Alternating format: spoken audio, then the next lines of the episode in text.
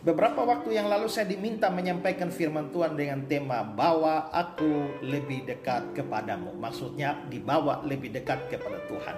Nah, waktu saya menjelaskan itu, mula-mula saya katakan bahwa kita semua ini adalah orang berdosa dan sebenarnya adalah hal yang mustahil bagi seorang berdosa untuk bisa menjadi dekat dengan Tuhan.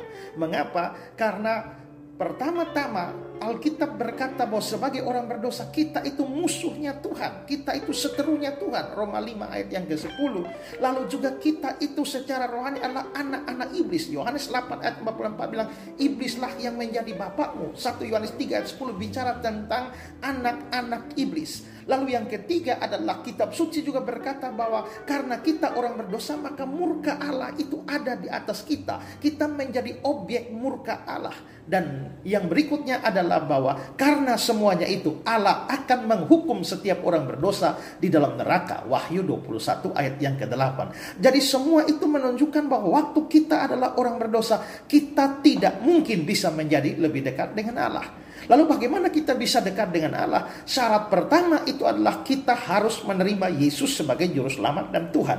Mengapa menerima Yesus sebagai juru selamat dan Tuhan membuat kita bisa lebih dekat dengan Allah? Karena pertama, kita dikatakan diselamatkan atau diberi hidup yang kekal. Kita pindah dari hukuman kekal neraka ke surga. Tidak ada lagi penghukuman bagi kita karena Yesus sudah dihukum bagi kita. Roma 8 ayat 1. Tidak ada penghukuman bagi mereka yang ada dalam Kristus Yesus. Selanjutnya Selanjutnya kita dikatakan kita hidup dalam damai sejahtera dengan Allah. Roma 5 ayat 1. Tadinya kita musuh Allah. Sekarang dalam iman pada Kristus kita hidup dalam damai sejahtera dengan Allah. Sebelumnya kita adalah anak iblis. Tapi begitu kita percaya Yesus. Maka status kita berubah dari anak iblis menjadi anak Allah. Yohanes 1 ayat 12 semua orang yang menerimanya diberinya kuasa menjadi anak-anak Allah. Atau dalam Galatia 4 ayat 5 dikatakan bahwa kita diterima menjadi anak. Nah, kalau kita sudah tidak dihukum lagi, kalau kita sudah hidup dalam damai sejahtera dengan Allah, kalau kita sudah jadi anak Allah, maka di sinilah terjadi kemungkinan bahwa kita bisa menjadi lebih dekat dengan Allah.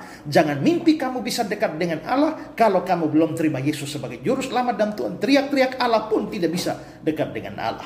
Tapi kalau kamu mau dekat dengan Allah, pertama-tama Terima Yesus sebagai juru selamat dan Tuhan. Selanjutnya ada hal-hal lain yang mungkin akan kita bicarakan nanti. Tapi paling mendasar adalah buka hati, terima Yesus sebagai juru selamat dan Tuhan. Tanpa itu, dekat dengan Allah hanyalah mimpi dari seorang berdosa. Karena itulah mari sungguh-sungguh percaya kepada Tuhan, terima dia sebagai juru selamat dan Tuhan saudara. Tuhan berkati saudara. Amin.